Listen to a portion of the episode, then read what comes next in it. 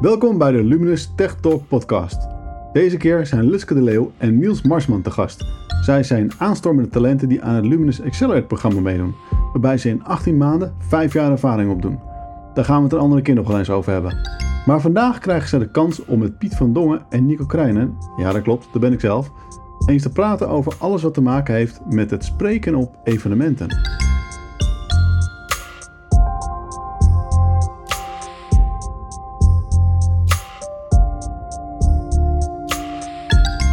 Ja, welkom Niels, welkom Lutke, welkom Piet. Hallo. Hallo. We zijn hier vandaag om, te, om het te hebben over spreken op conferenties. Dat doe ik dat af en toe eens. En Piet, zei jij wel eens ergens? Ja, ik sta zeker wel eens ergens. Mooi, mooi. Lutke, jij? Nee, nog nooit gedaan. En, en Niels? Nee, ook nog nooit gedaan. Oeh, dus voor jullie is het echt super spannend. Ja, zeker. Dus ik denk, ja, voor ons, voor, voor Piet en mij, wij doen dit inmiddels best wel regelmatig. En het is best wel leuk om anderen daarmee te helpen. En daar kunnen we denk ik jullie wel mee verder helpen. En misschien ook luisteraars van de podcast. Want Ja.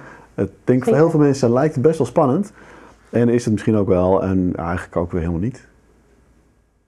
Toch? Ja, ik vind het altijd spannend. Ik ben altijd super zenuwachtig, serieus. Ja? Ja, altijd. Ik ben altijd vet aan het zweten en aan het zenuwen en zo. Ik heb ook zo'n horloge waar, je mijn hartslag dan op kan zien. Het is altijd echt torenhoog.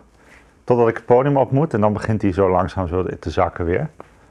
Maar ik ben nog nooit niet zenuwachtig geweest. Ook niet als ik het al tien keer heb verteld, het verhaal. Grappig. Dus daar kan ik je niet meer helpen, helaas. Ik heb er echt helemaal nooit last meer van. Nee, Ik- eh, helemaal in het begin van mijn carrière had ik dat wel, maar eh, de laatste eh 10, 15 jaar echt helemaal niet meer. Ja, ik heb ook niet zo heel veel vertrouwen in goede afloop van mijn eigen verhaal. dus ik, ik motiveer mezelf altijd door mezelf in een hoekje te schilderen en dan te zorgen dat ik er nog uit kan komen. Dus dat zal er wel mee te maken hebben. Maar ik heb nog nooit gehad, ook niet als ik het al heel vaak had gedaan of, of geoefend, dat ik niet zenuwachtig was.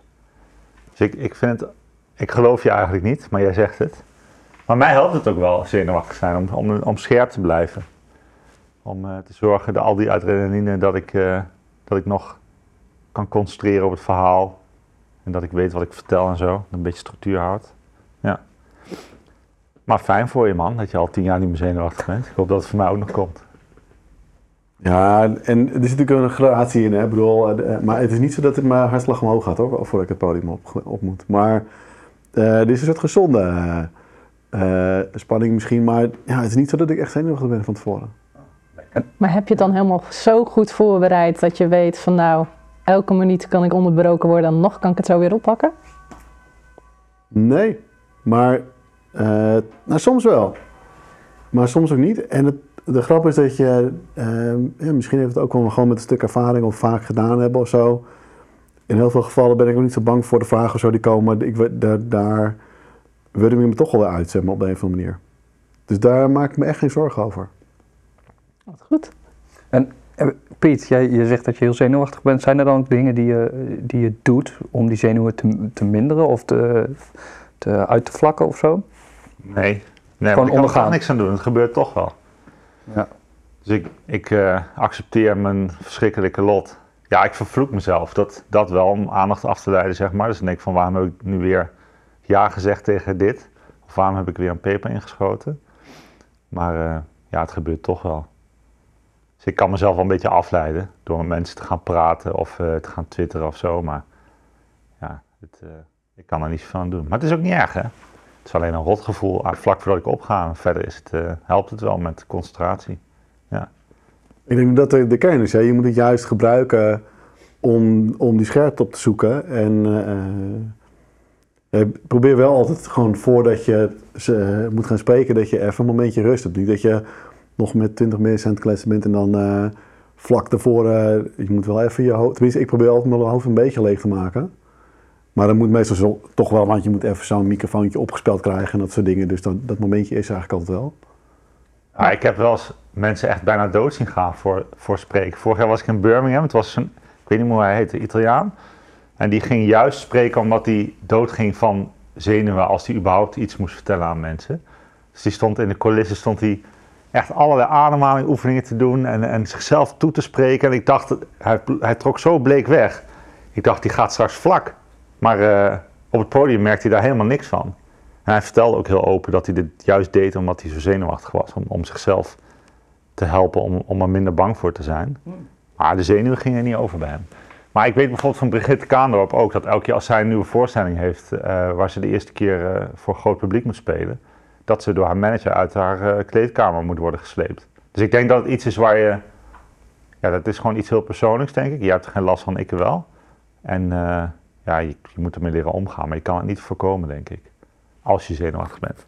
Nee, accepteren en meer in omgaan. Ik denk dat is de, de key inderdaad. Ja, Maar als je, nou, Brigitte de Kaanderop, die heeft waarschijnlijk een green room, maar hebben jullie dat ook met conferenties? Of is het gewoon, eh, nou, hier is podium succes? Dat je even kunt terugtrekken of die ademhalingsoefeningen, of is dat gewoon waar iedereen bij is? Ja, dat verschilt best wel.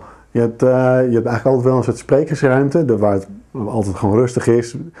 Je merkt altijd, daar hangt altijd een soort van sfeertje. Niet te veel praten, jongens. Je dus, dat is, eh, eh, soms is het licht ook een beetje donker of zo, dat is heel grappig. En ehm, ja, maak ik meestal niet zoveel gebruik van, maar meer als ik nog even slice moet bijwerken, dat gebeurt nog wel. Dan ga ik daar wel zitten, maar verder eigenlijk nooit. Ver- Verder ga ik eigenlijk gewoon een beetje rondlopen en eh, genieten van de conferentie. Want ehm, de grap is dat, ja, ehm, als je gaat spreken op een conferentie, krijg je ook altijd een ticket erbij. Wel. Ja, je krijgt gewoon een gratis ticket om daar eh, aanwezig te zijn. Ja, want dat vroeg ik me af inderdaad. Van als je drie dagen een conferentie hebt en jij spreekt op de tweede dag, krij- krijg je dan een ticket voor de tweede dag voor alles? Of moet je gewoon zelf... bijna eh, altijd voor alle dagen. Ik heb maar één keer meegemaakt dat ik maar alleen voor de sprekersdag kreeg, wat ik ontzettend raar vond. Want ik, ik, vroeger dacht ik altijd, ja, ik ga spreken om, om eh, zeg maar eh, beroemd te worden. Dat is mijn stiekem drijfveer achter alles. Maar ehm, nu spreek ik omdat ik denk dat zeg maar ons vak, wat het ook is, dat, dat, eh, dat mensen daar, daar beter in worden door met elkaar eh, eh, informatie uit te wisselen.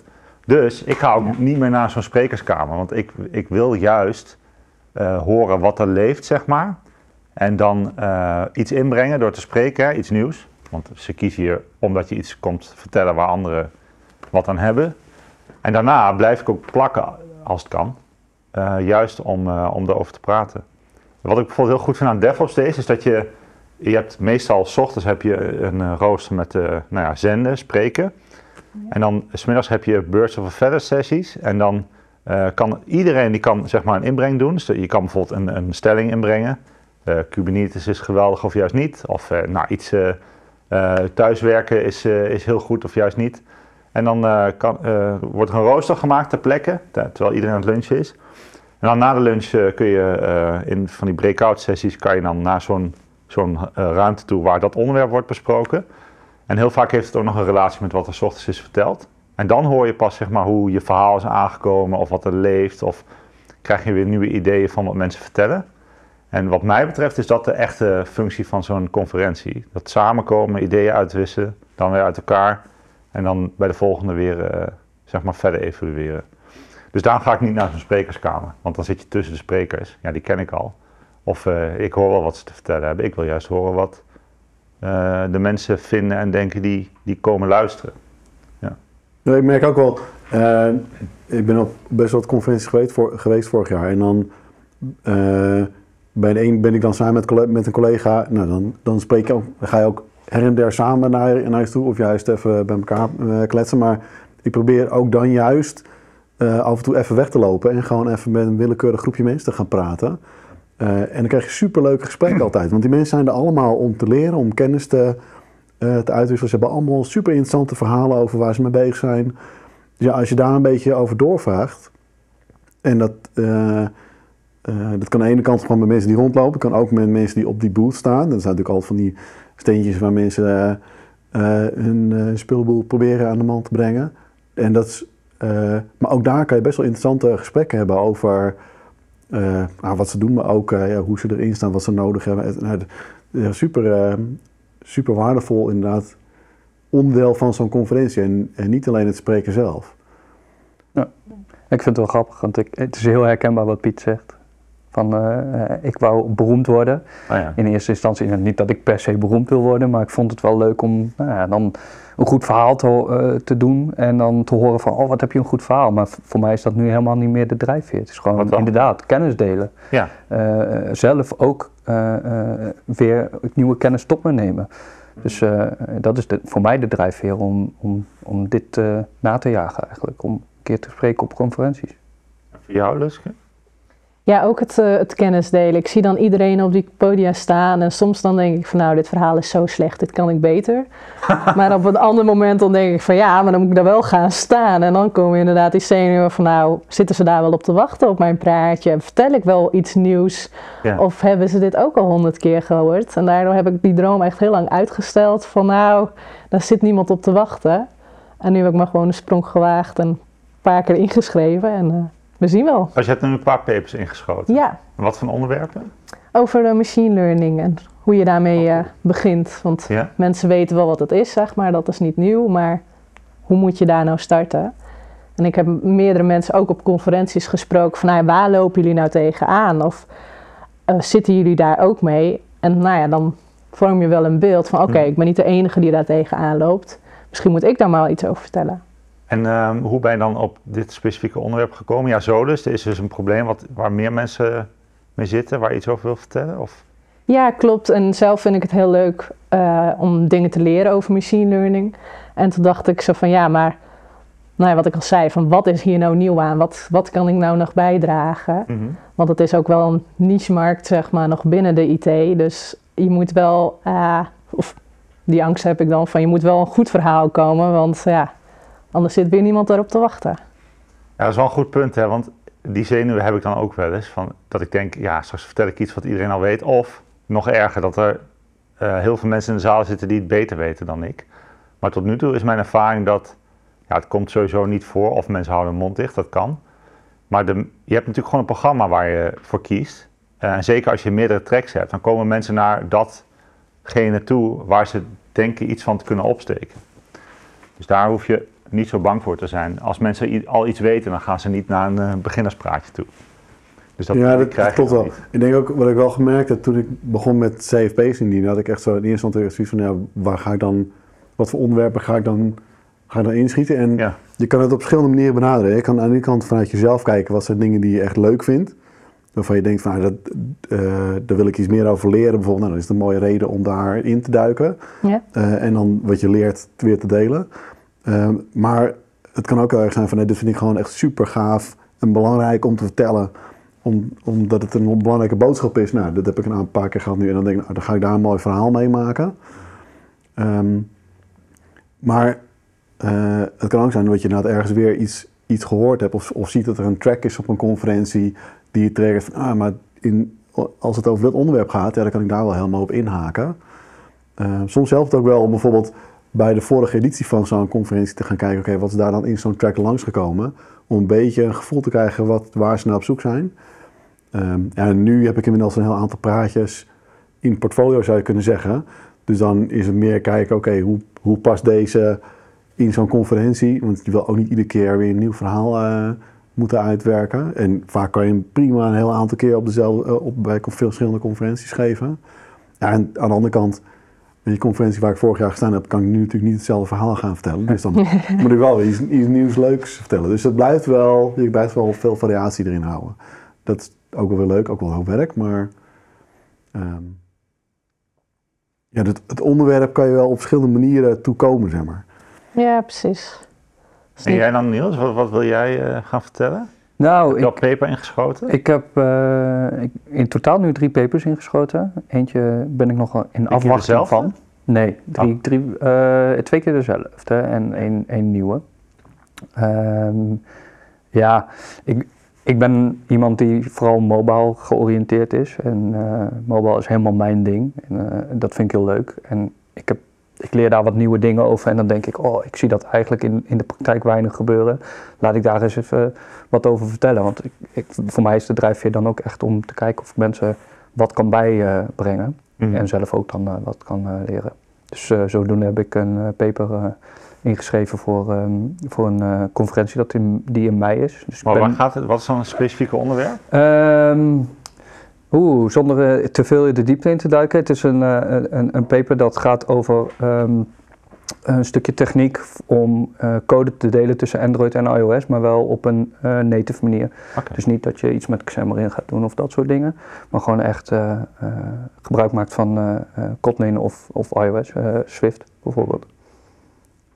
Cool. Ja, En eh, hoe lang heb je erover gedaan om die eh, paper te maken? ja En de- hoe heb je dat gedaan? Nou, eigenlijk heel, heel kort. Ik, eh, ik was toevallig met Nico aan het bellen over papers indienen en dat soort dingen. En ja, Nico gaf eigenlijk een beetje te kennen van ja, ja soms heb ik nog helemaal niet een heel groot paper geschreven voordat ik hem indien.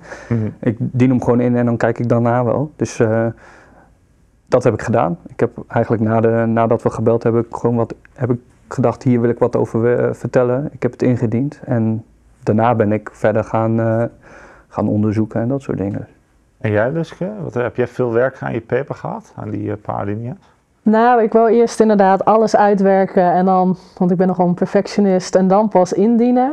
Maar ook ik had even met Nico gesproken en die zei nou, je kunt beter gewoon meerdere onderwerpen indienen en dan als je gekozen wordt het verder gaan uitdiepen. Maar ik vind het wel, wel spannend, want ik heb het dus nog niet uitgewerkt in zijn geheel, maar wel ingediend. En eentje zijn ze nu aan het beoordelen en dan denk ik echt van, oh, nou, eh, ja, gaat het dan wel goed komen? Is het niet dat ze, dat ze denken van, oh, we missen hier nog een stukje laat, maar we gaan je, gaan je niet kiezen. Dus dat eh, ja, vind ik wel spannend. Ja, het, is een, bal- ja, het is een balans. Hè? Dus je hebt aan de ene kant wil je hem goed genoeg hebben dat ze een goed beeld krijgen van wat het gaat worden en dat ze je gaan kiezen. Want als het natuurlijk heel mager is, ja, dan is er niet zoveel kans dat ze je, dat ze je in het programma zetten. Precies. Ehm, maar aan de andere kant, de allereerste eh, CFP die ik indiende, had ik hem echt heel, mijn hele outline, echt eh, eh, drie pagina's vol met eh, helemaal uitgewerkt. Die had ik ook bijgestuurd of zo. Nou ja, die werd ook geaccepteerd. Ik weet niet of het daaraan lag, maar in ieder geval. En vervolgens eh, kwam ik bij Luminous binnen en toen, toen eh, zag ik wat voorbeeldjes voorstellen zoals Spitsen indiende. En ik dacht, wacht, dit, dit is gewoon twee, drie alinea's. Hoezo dat dan, weet je? en, dus toen ben ik dat gaan doen. Ik denk, ja, dat is eigenlijk wel veel makkelijker. en, en, eh, en die werden ook allemaal geaccepteerd. Dus, oh, dus daar ligt het niet aan. Het is eh, dat is wel hoe mensen het vaak indienen. Gewoon redelijk het stukje zoals het in het boekje komt staan. En de teaser die je ook voor het publiek hebt, die is ook natuurlijk voor de conferentie zelf.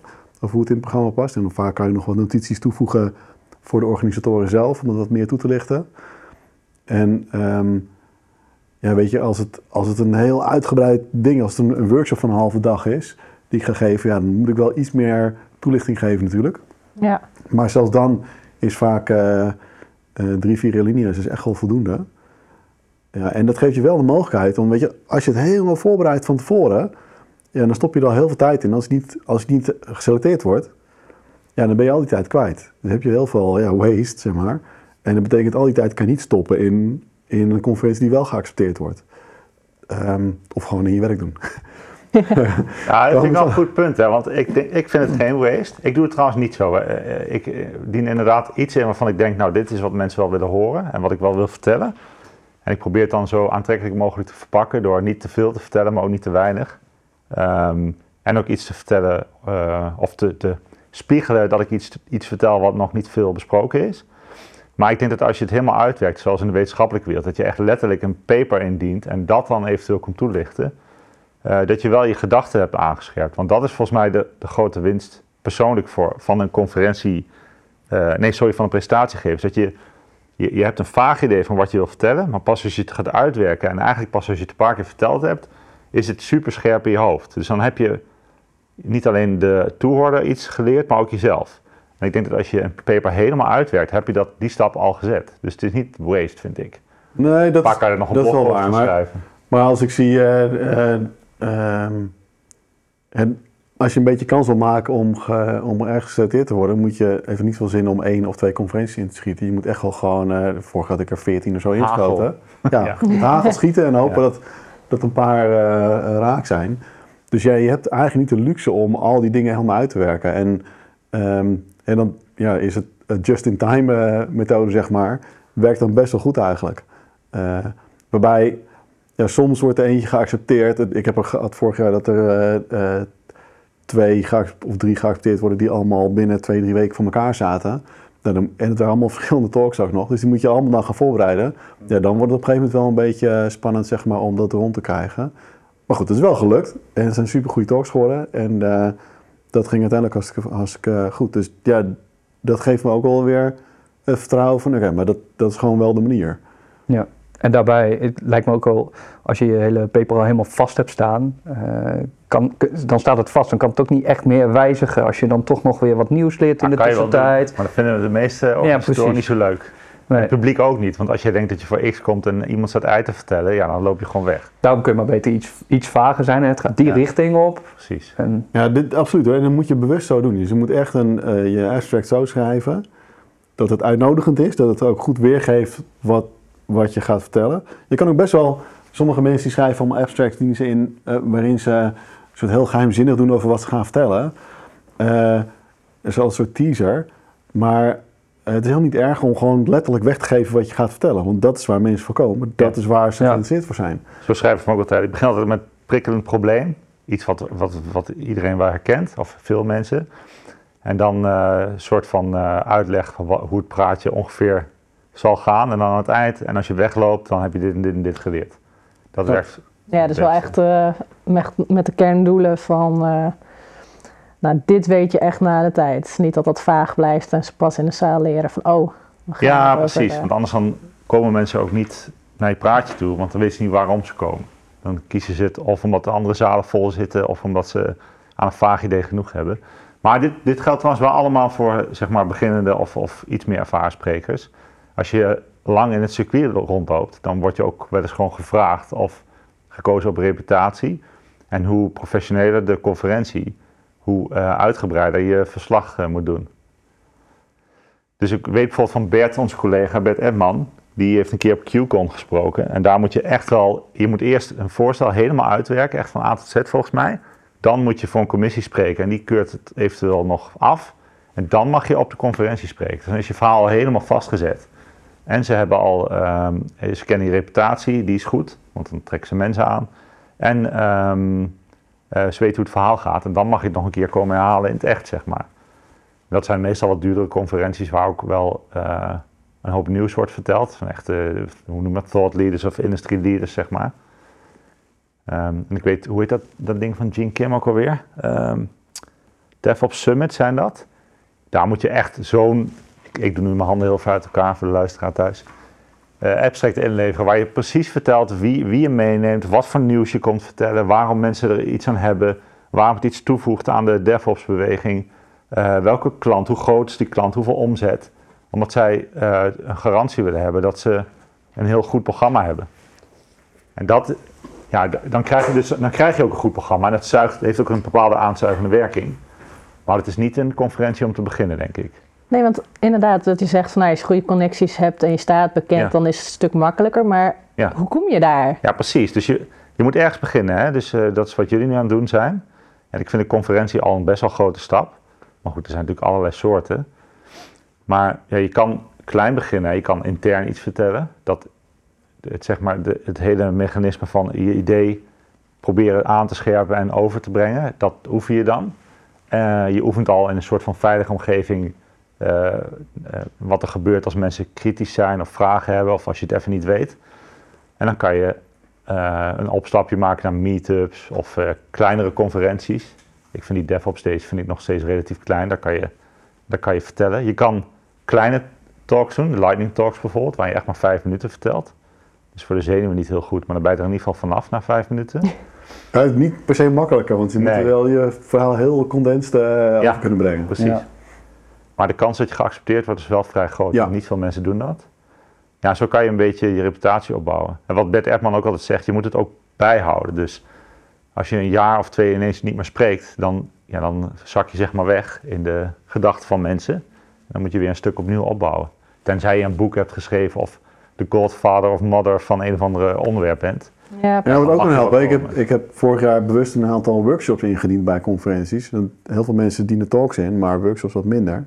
Ja. En ja, die zijn best wel veel geaccepteerd ook. En ik vind zelf workshops ook heel leuk om te doen. Omdat je veel meer interactie met je eh, publiek hebt, met je deelnemers.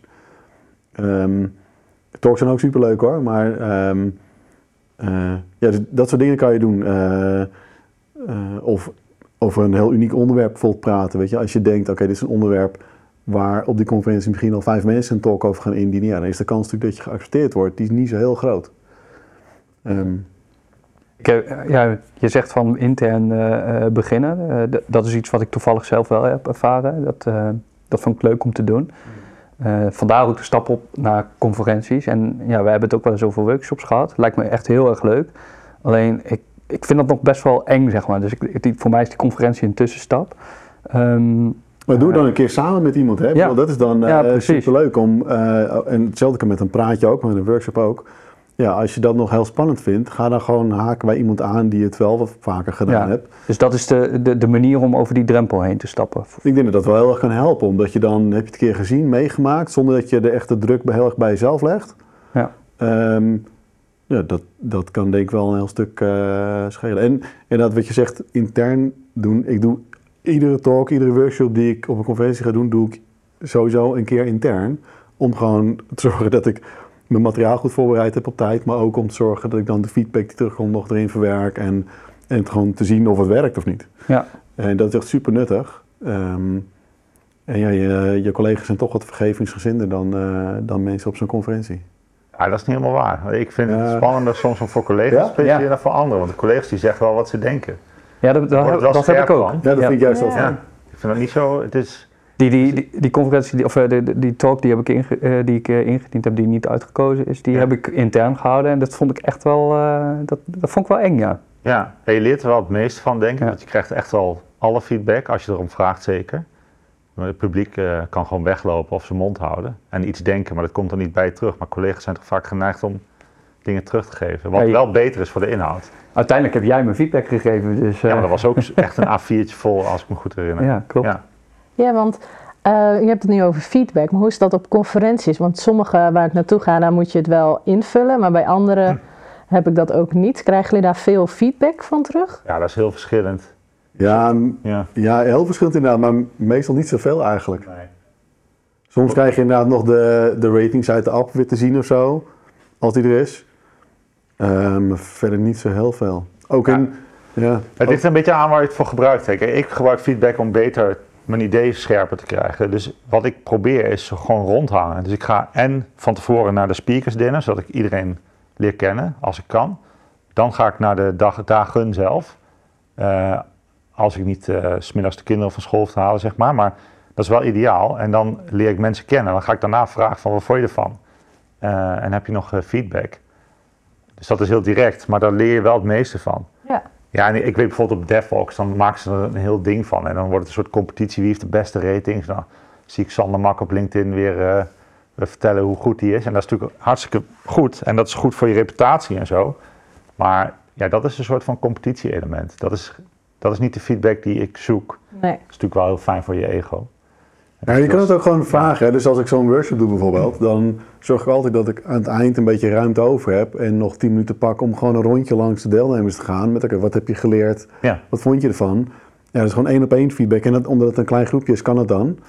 Eh, soms kan je het ook wel aan het eind van je, van je praatje, als je je vragen gaat doen, komt al wat terug vaak over wat mensen dan nog gaan vragen hebben. Dan kan je misschien denken, oh, dan moet ik volgende keer misschien dat al in, in mijn slides verwerken.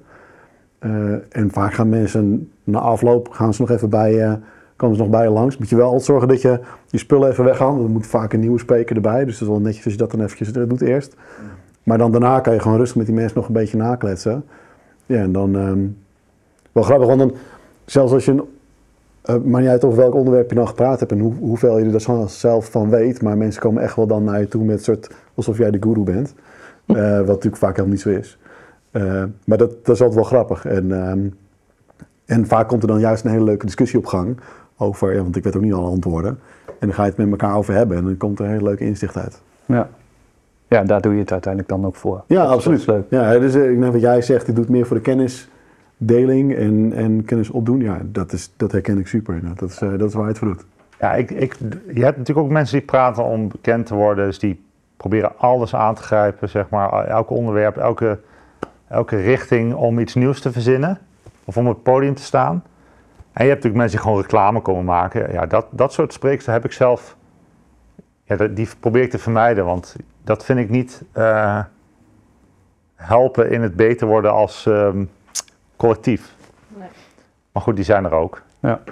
Eh, en dat is ook een manier om te spreken. Maar ik denk dat spreken eh, vooral bedoeld is om met elkaar beter te worden in ons werk. Ja, ik, heb het ook, ik ben er echt maar mee begonnen omdat ik het idee had van ja, hoe, dit is wel een manier om de industrie aan, als geheel zeg maar, verder, te, verder te helpen. Ja, dus ik moedig ook echt van harte aan wat jullie doen. Want hoe meer eh, geluiden je zeg maar, krijgt eh, te horen van verschillende groepen mensen, niet alleen maar de bekende mensen, hoe beter we met z'n allen worden, denk ik. Ja, dus Ja, dat, absoluut. eh, ik denk dat het heel goed is dat jullie hiermee bezig zijn. Oké, moeten we nog iets bespreken?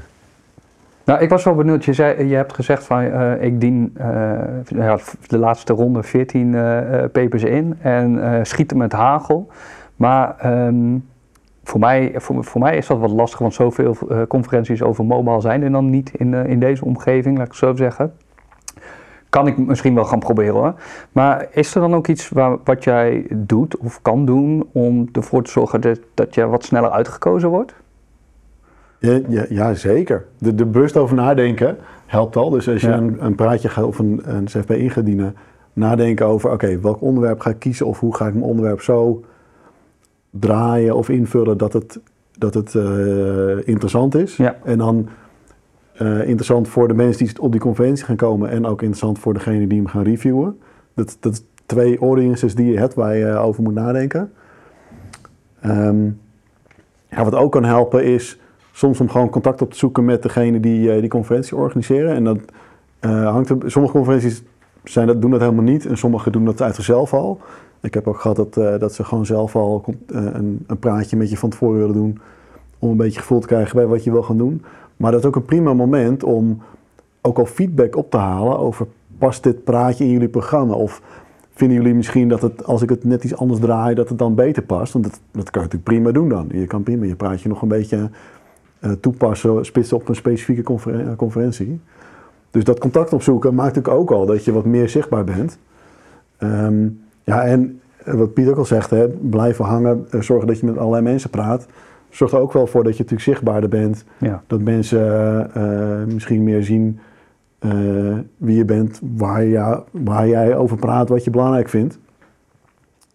Ik weet niet of jij nog eh, aanvulling daarop Ja, hebt? ik denk dat dat een heel belangrijk aspect is. Want kijk, het praatje geven aan zich is, of is geen doel aan zich, vind ik dus. Dus ik denk dat als je zeg maar begeeft tussen de mensen die eh, het vak vooruit duwen, hè, door na te denken over de dingen die belangrijk zijn en, en ook iets nieuws bedenken, dan bevind je op een gegeven moment vanzelf in een omgeving van mensen die zelf ook organiseren of vaak spreken. En dan, eh, dan maak je onderdeel uit van een collectief, eh, van, een, nou ja, ja, van, van een groep, zeg maar een subgroep in ons vak. Dus jij, Nico, DDD. Nou, ik zit wat meer in de, de- in de DevOps-hoek eh, of in de cloud-hoek. Ehm, nou, en als je daar dan eh, kennissen eh naar een netwerk in opbouwt, dan is de kans ook groter dat, ja, dat je uitgenodigd wordt voor dingen. Of dat je goede ideeën krijgt die snel geaccepteerd worden. Of dat je een reputatie krijgt. Ehm, want je draagt bij aan de, aan de vooruitgang. Ik denk dat dat, dat het uiteindelijk Ja. is. Dus het is een, echt een, eh, lange, je moet een lange adem hebben. Ehm, maar dat is wel de meest duurzame manier van kennis delen, denk ik. En ik denk dat het super waardevol is. Ik merk ook bij klanten, als ik vertel dat ik spreek, ja, dan luisteren ze veel beter dan wanneer ik eh, probeer mijn cv te verkopen. Dus het zegt iets over iemand. Hè. Het zegt dat je, dat je actief bijdraagt aan het, aan het ontwikkelen van, eh, v- van waarde. Ja.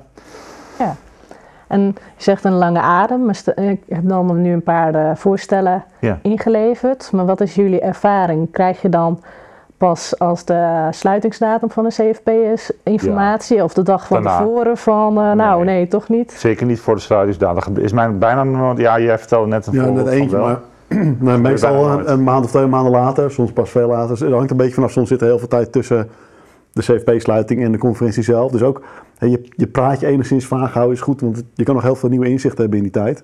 Die kan je dan nog verwerken. Maar ja, qua wat je indient en wat je, wat je dan terugkrijgt, ja, vaak is het, eh, is het nou, laat zeggen, één, twee maanden voor de conferentie zelf dat je echt wel weet of, eh, of het wel of niet doorgaat. Ja, Vaak als je als die doorgaat, hoor je het wat eerder. Als het afgewezen wordt, kan het soms nog zijn dat ze hem een soort open houden als het op de reservelijst.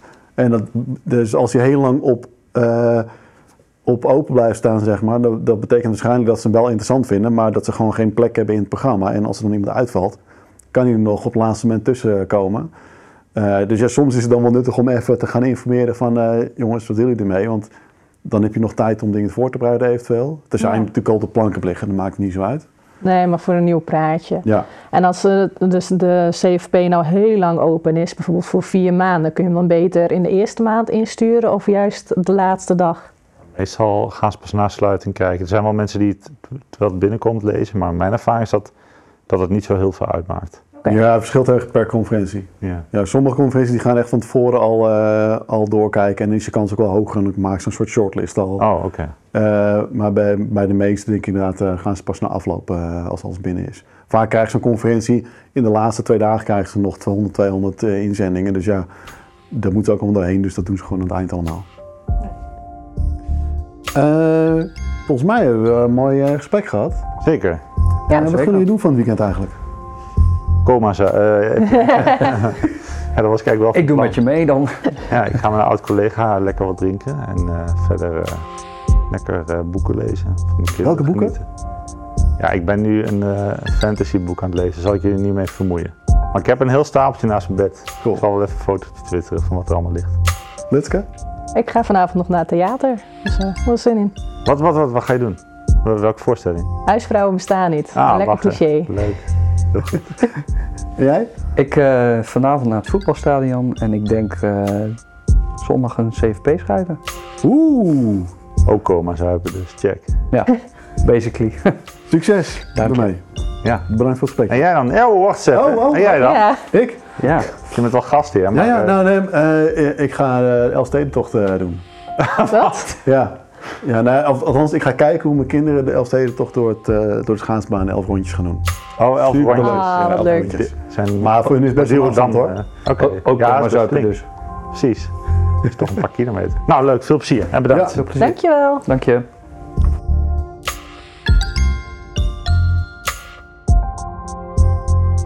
En, heb je goed opgelet?